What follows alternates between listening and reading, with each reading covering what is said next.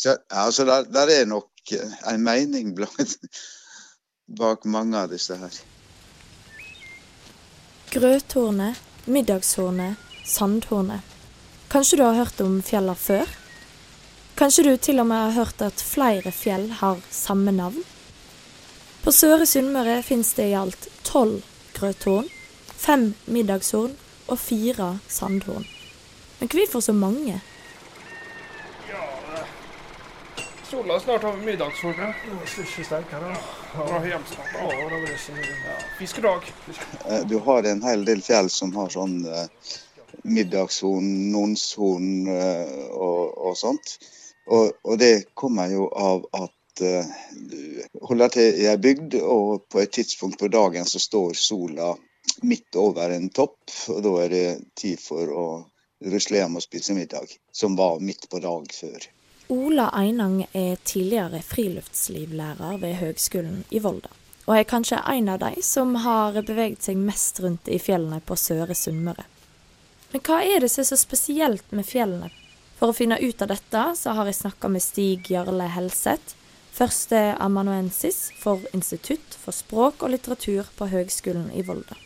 Han har nemlig studert og forska på akkurat dette her. Fjellene og fjellnavnene på Søre Sunnmøre. Det som er spesielt, vil jeg si, med fjella i første omgang eh, på Sunnmøre, det er at eh, de har en eh, veldig stor variasjon. På øst- og vestsida av Hjørundfjorden der finner vi veldig mye fjellnavn på Tind. Og Tind det er jo uh, da en sammenligning med altså tinden på ei, på ei rive, f.eks. Uh, altså noe spisst, noe kvast. Ja, vi var på Nonshornet i går kveld. Hæ? Nonshornet? Vi er fra Follestad kaller det for Fremste Nøvedalshornet. Å, sier du det? Vi fra Stanna, kaller det Nonshornet. Å ja.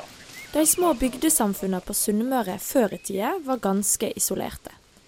Når de så på fjellene fra si bygd, så fjellene annerledes ut enn hva de gjorde fra ei anna bygd.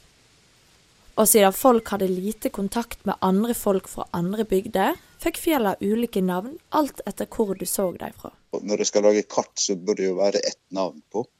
Da må de jo velge, da. Om eh, navnet skal være slik de eh, har brukt det i Follestadalen, eller slik de har brukt det på Standal, eller, eller hvordan det skal være. Det er Kartverket som bestemmer hva navnet skal bruke på kartet. Men er det noen retningslinjer på hvordan en gjør dette? Når en skal velge mellom to eller flere eksisterende navn, så, så finnes det ikke noen retningslinjer. Og da, da blir det egentlig i stor grad opp til Kartverket da, hva for navn de skal bruke. Det kan for så vidt gi mening hvorfor det er så mange fjell her på Søre Sunnmøre som har like navn. Og kanskje de ikke var så dumme før i tida, før kartet, for da klarte de jo i hvert fall å orientere seg i området, bare ved å kjenne igjen fjellene rundt seg. Stig, har du noen siste tips? Kanskje bare at uh, folk må være flinke til å bruke naturen og fjellene som vi nå snakker om navnene på.